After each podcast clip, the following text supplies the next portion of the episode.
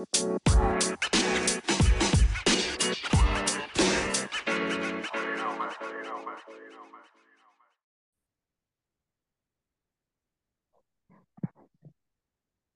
bondejulefortelling. En forgjengers gjenferd. Det var hevet over enhver tvil at ministeren var en travel mann. Enhver med så mye ansvar vil nødvendigvis være travel. Det var derfor bare rett og rimelig at ministeren kunne gå hjem etter endt arbeidsdag siste dag før jul og ta fri med god samvittighet. Eller gå hjem. Ministeren gikk selvsagt ikke hjem. Viktig som han var for landets ve og vel, var det bare rimelig at han kjørte. Han kjørte på bare veier som buktet seg gjennom et snødekt landskap.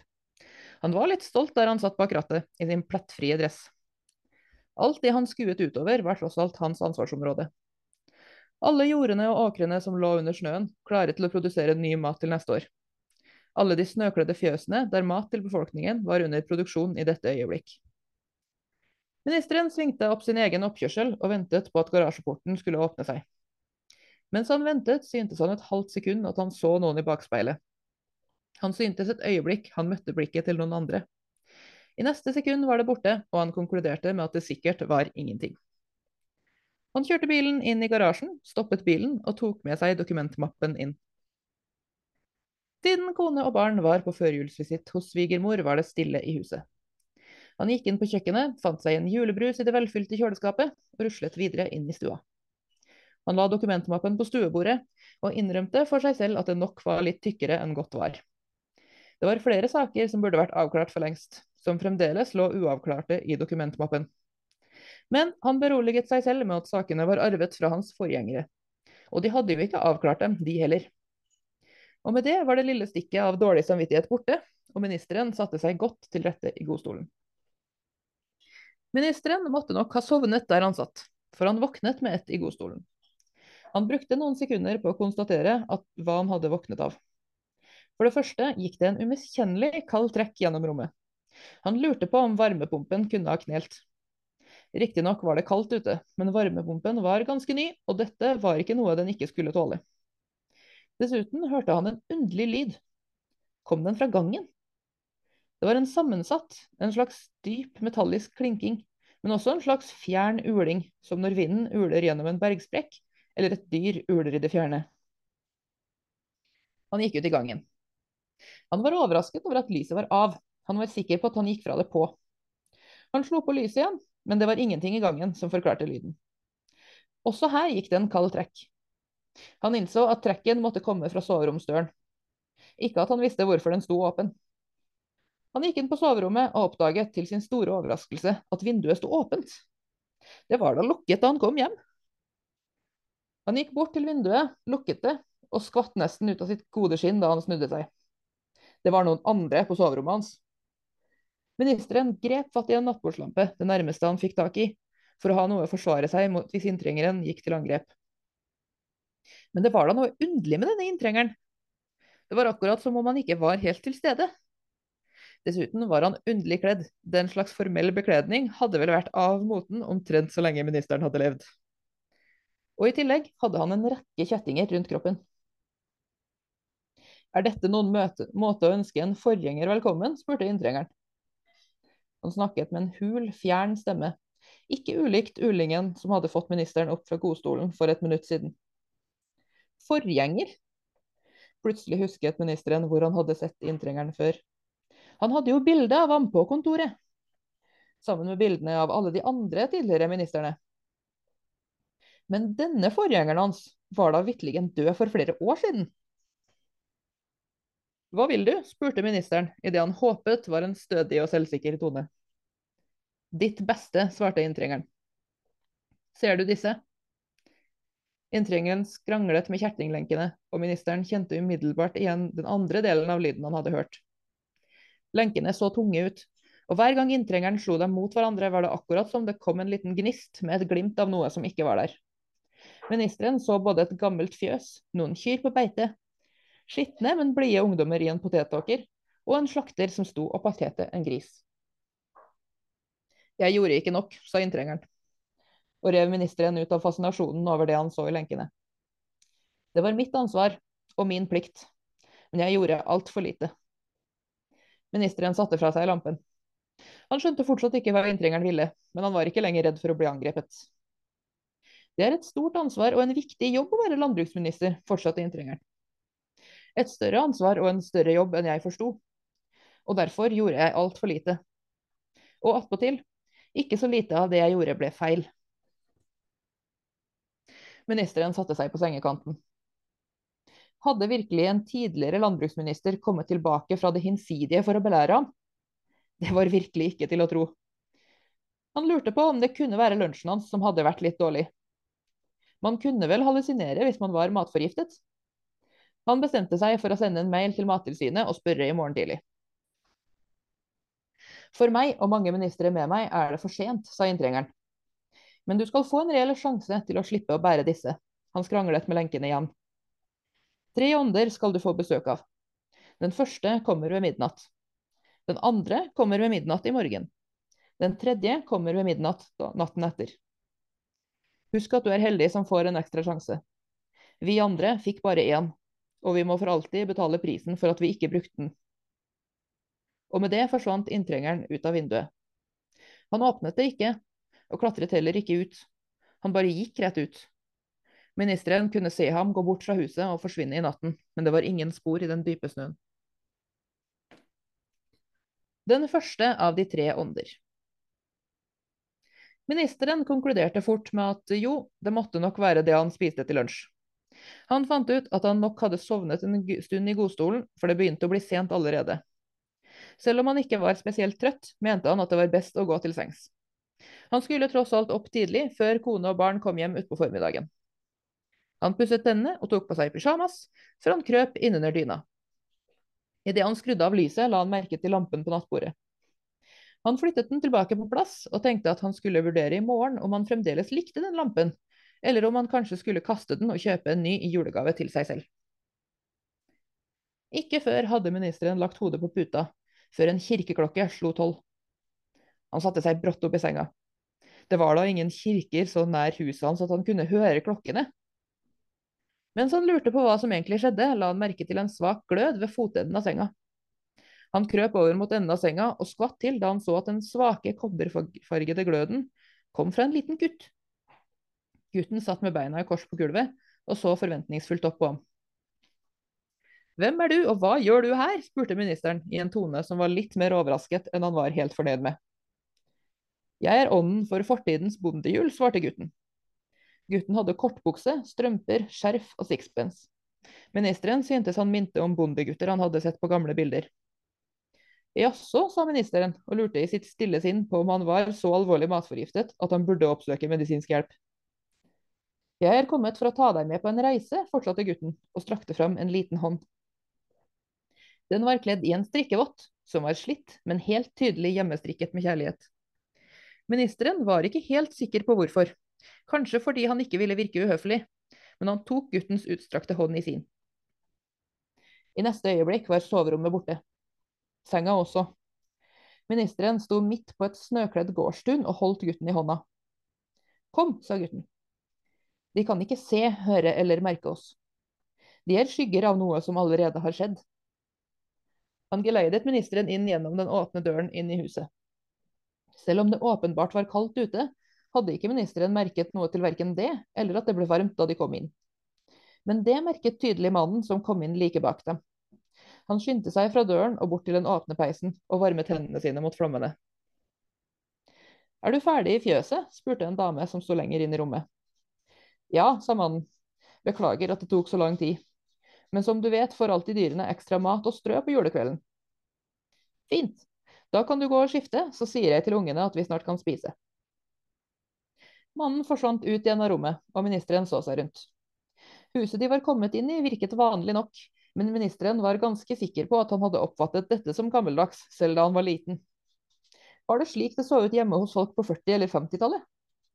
To barn kom løpende inn i rommet, og ministeren konkluderte med at han hadde truffet på tidsperioden. Mens det som tydeligvis var mor i huset dekket ferdig bordet, banket det kort på døra inn til stua. Inn kom et par som sikkert kunne være i 60-årene. Bestemor! ropte den lille gutten i huset i ren glede og kastet seg om halsen på damen. Kom og sitt sammen med meg, bestemor, sa han og dro henne mot bordet. Vil du sitte sammen med meg, bestefar? spurte den lille jenta, tydelig mindre frampå enn sin bror. Mens barna og det ministeren antok var kårfolket på gården, satte seg ved bordet, la ministeren merke til at maten som ble satt fram, var underlig kjent. Det var kokte poteter, epler, gulrøtter og svisker, rødkål og surkål. Og idet bonden kom inn igjen i rommet og satte seg ved bordet, ble ribba satt fram. Ministeren merket at han kunne lukte maten selv om han egentlig ikke var der, og han gledet seg stort til sin egen julemiddag om et par dager. Etter maten var det tid for gaver, og ministeren la merke til at det var ganske få gaver under det nokså staselige juletreet. Det var to gaver til hver av ungene, og det var det. De gir ikke så mange gaver, gjør de, sa ministeren, kanskje mest til seg selv. Det var likevel ånden som svarte. De er heldige, de som bor på gård som kan sikre seg litt ekstra til jul, selv om det er rasjonering. Og som kan skaffe seg juletre i egen skog. Det betyr ikke at de har bedre råd enn andre til gaver. Du ser de små gavene. De er fra mors foreldre. De bor i byen, og faren hennes jobber på fabrikk. Så de har råd til å kjøpe gaver. De større pakkene er nok klær mor og bestemor har samarbeidet om å lage. Bordet var ryddet, og far i huset sa brått er det noen som er klare for årets appelsin? Ja, jublet begge ungene. Og så må vi sette ut grøt til nissen.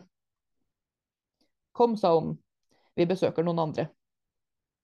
Ånden dro lett i ministerens hånd, og nok en gang sto de ute på et gårdstun.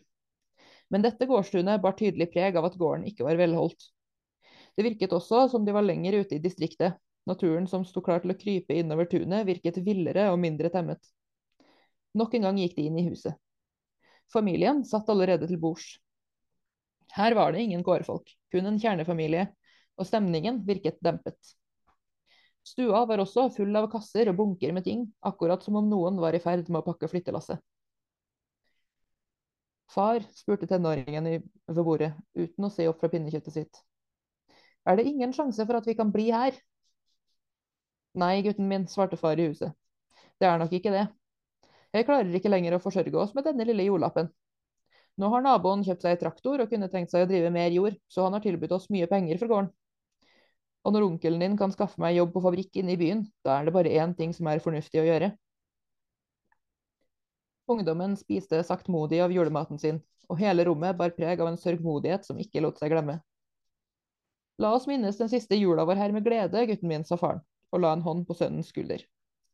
Og så skal vi sette ut grøt til nissen etter middag, slik vi alltid har gjort. Nok en gang nappet ånden i ministerens hånd, og de flyttet seg videre. Eller, de flyttet seg tilbake. Tilbake til ministerens soverom. Jeg håper du har fått noe å tenke på, sa ånden, før han forsvant i mørket som om han aldri hadde vært der. Ministeren, som allerede lå under dyna uten helt å vite hvordan han hadde havnet der, kjente seg med et veldig trøtt og sovnet som en stein den andre av de tre ånder. Da han våknet igjen, kjente han seg ikke akkurat uthvilt, men det kunne være fordi han neppe hadde sovet lenge. Det var fremdeles mørkt utenfor vinduet, og så stille at ministeren gikk ut fra at klokka ikke var særlig mer enn fem. Ikke før hadde han tenkt på at han skulle sjekke klokka på mobilen, så hørte han nok en gang denne uforklarlige kirkeklokka som slo. Og jammen slo den ikke tolv slag. Hva var dette? Tolv? Klokka kunne neppe være midt på dagen, for det var mørkt ute.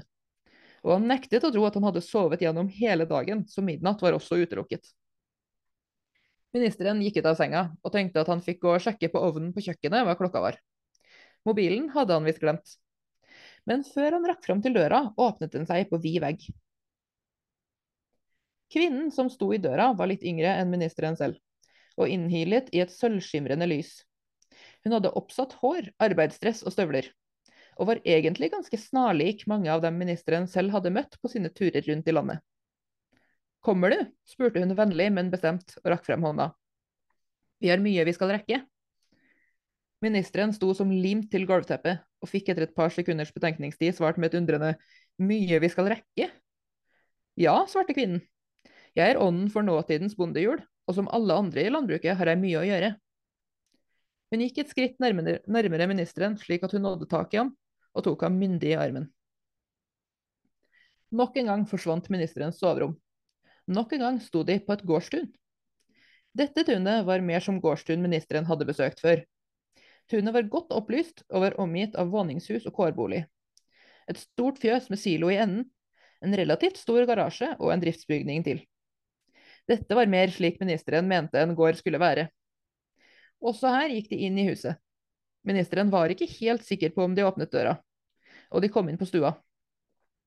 Familien satt allerede og spiste julemiddag, men det var veldig merkbart at det var en tom plass ved bordet.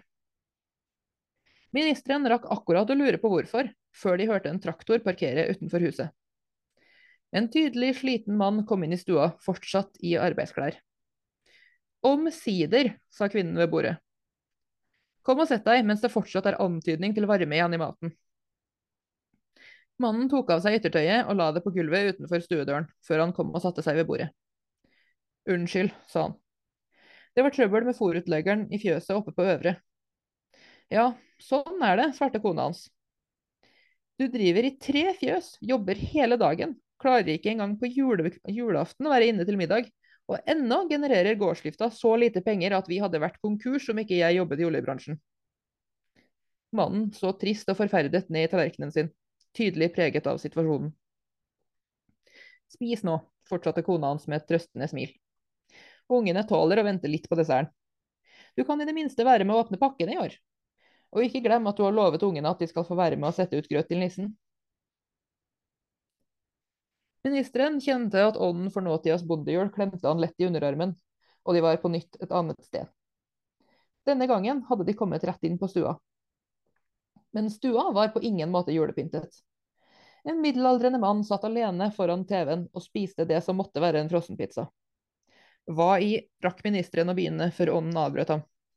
Han er alene i jula. Han var ute og arbeidet hele tiden, og pengene til begge forsvant inn i å holde gården oppe og gå. Så for noen år siden dro kona hans, og barna deres ble med henne. De feirer jul inne i byen, og har nok både julepynt og julemat. Han derimot er inne en tur og spiser før han skal ut og jobbe videre. Han har ikke engang tid til å lage seg julemat. Julemat han produserer til resten av det norske folk. Kom, vi har flere vi skal besøke. Ånden klemte nok en gang om ministerens underarm, og de kom inn i en ny stue. Familien satt rundt bordet klare til å spise. Der var et ektepar rundt 60, og det som trolig var deres tre voksne barn med hver sin partner. I tillegg satt et barnebarn på rundt året i en høystol midt på den ene siden av bordet. Det var tydelig at far i huset akkurat var i ferd med å avslutte noen innledende ord om måltidet så må vi håpe dere alle nyter maten. Nyt den som om det er den siste julematen dere får noen gang. Mens alle hevet glassene, sa den ene sønnen. Det er det jo på sett og vis òg. Det er i hvert fall siste gang vi har laget den selv. Søsteren, eller kanskje svigerinnen hans, så strengt på ham over bordet. Men faren hevet en avvæpnende hånd. Det er sånn det er blitt. Det er ikke økonomi til å reinvestere i dette bruket. Dere vet jo alle sammen hvor dårlig det står til. Det er jo delvis derfor ingen av dere vil ta over. Så nå reiste dyrene i forrige uke, og til våren blir jorda tilleggsjord for naboen. Så skål, dere, for vårt siste selvproduserte julemåltid. La oss feire det som har vært, heller enn å sørge over det som ikke blir. Glassene rundt bordet ble hevet på ny, og ånden klemte ministerens arm. Nok en gang sto de på et gårdstun. Men dette var ikke et levende gårdstun. Det var mørkt og forblåst, og begge driftsbygningene bar tydelig preg av forfall. Er det noen som feirer jul her? spurte ministeren tvilende. Nei, svarte ånden. Det er ingen som bor her heller. Her ute i havgapet var det ikke mulig å effektivisere nok til å henge med. Så her er det ingen som driver, og ingen som feirer jul. Bygningene forfaller, og landskapet er i ferd med å gro igjen. Huset er blitt fritidsbolig for en industrikonge som bor i byen. Dette skjer på din vakt. Ministeren skulle til å protestere, men før han fikk ord for seg, hadde ånden klemt ham i armen, litt hardere enn tidligere. Han var tilbake på soverommet, og ånden hadde forlatt rommet og smelt igjen døren bak seg. Den tredje av de tre ånder. Etter at han hadde summet seg i et par sekunder, skulle ministeren til å følge etter ut i gangen. Men før han fikk flyttet seg, kunne han nok en gang høre kirkeklokkene som slo. Tolv slag. Nå var han lei av dette. Klokken kunne da umulig være tolv igjen. Han snudde seg for å gå til nattbordet og finne mobilen, men straks han hadde snudd seg, stivnet han. Foran ham sto en kappeklødd skikkelse. Skikkelsen var høyere enn ministeren, fryktelig og mørk, men samtidig innhyllet i en stråleglans. En stråleglans gyllen som gull, men ikke mindre giftig og kald likevel. Skikkelsen strakte fram en benete hånd, en hånd som mer enn noe annet minnet om en død klo. Er du ånden for fremtidas bondehjul? spurte ministeren. Skikkelsen nikket. Du har noe å vise meg. Skikkelsen nikket igjen, lydløst som mørket selv. Ministeren sto som frosset i gulvet mens skikkelsen gled mot ham, og den benete hånden ble kaldt plassert på skulderen hans. De sto øyeblikkelig i et gårdstun. Eller gårdstun? Ministeren var usikker på om det var et gårdstun eller et fabrikkområde. Han hadde aldri sett noe fjøs av denne størrelsen i Norges langstrakte land, og det hele hadde et klinisk og fabrikkaktig preg. Over tunet var det ikke noe våningshus, men en brakkerigg av den typen sesongarbeidere gjerne bodde i. Det kremtet i en høyttaler. Vaktskifte. Dagskiftet går av, kveldsskiftet går på. Vi benytter denne sjansen til å overbringe en julehilsen fra konsernsjefen.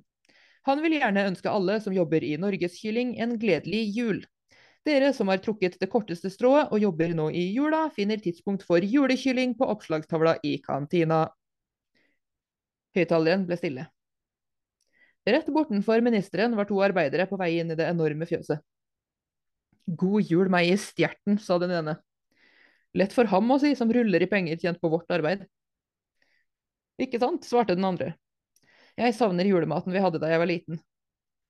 Husker du da alle sa om det var Team Ribbe eller Team Pinnekjøtt? Ja, bestefar har en genser fra han var ung som det står Team Pinnekjøtt på. Ministeren og ånden fulgte etter de to innover i bygningen. Da jeg var på besøk på gården hos bestemor og bestefar, holdt det med én smittesluse, mimret han ene, på vei gjennom smittesluse nummer tre. Ja, svarte han andre. Men den gangen fantes det jo flere kyllinggårder i Norge. Ministeren snudde seg og så forferdet på ånden bak seg, mens de to forsvant inn i kyllingfjøset. Er dette det eneste kyllingfjøset i Norge? Ånden svarte ikke, men løftet så vidt klohånden sin fra ministerens skulder før han la den nedpå igjen med fornyet kulde. De sto et nytt sted, langt ute i skogen. Ministeren så seg rundt. De så ut til å stå ved en slags ruin. Litt lenger borte var det en åpning mellom trærne, og ministeren lot seg styre den veien av ånden. Da de nådde fram mellom de ytterste trærne, ble han forferdet. Han kjente seg igjen. Men det var ene og alene pga. det karakteristiske kulturhuset nede i dalen. Da han var her på ministerbesøk, hadde det ligget en gård akkurat her, og dalbunnen var dekket av frodige jorder. Dalsidene hadde vært skogkledde, men her og der var det gløtter med et lite hus eller to og beitedyr rundt. Skogene var heller ikke så tette. Nå var skogen så tett at han tvilte på at det var mulig å ta seg fram, og dalbunnen var helt gjengrodd. Det var så vidt han kunne skimte elva der nede.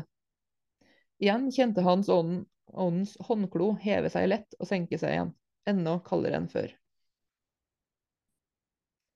De sto i en butikk.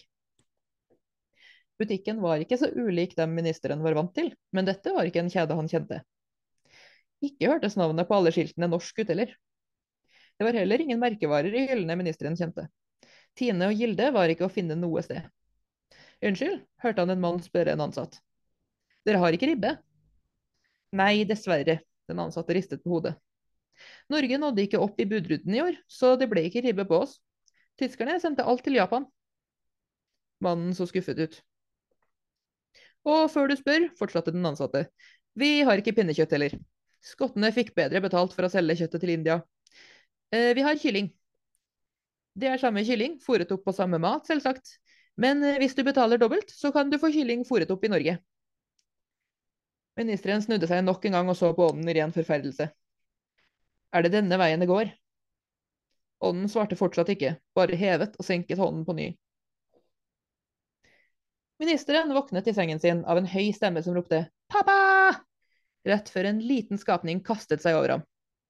Han innså at det var formiddagen etter at han, etter at han kom hjem fra jobb, at han hadde forsovet seg, og at kona og ungene nettopp hadde kommet hjem. Slutten på det hele. Alle som har lest den originale En julefortelling, vet hvordan den slutter. Hovedpersonen legger om livet sitt fordi han ønsker å endre kursen livet hans har, og den fremtid ånden har vist ham. Imidlertid har vi ingen forutsetning for å skrive noen slik slutt på denne versjonen av fortellingen. Historien foregår i samtid akkurat nå, og vi vet ikke hvordan det går. Den som lever, får se. God jul.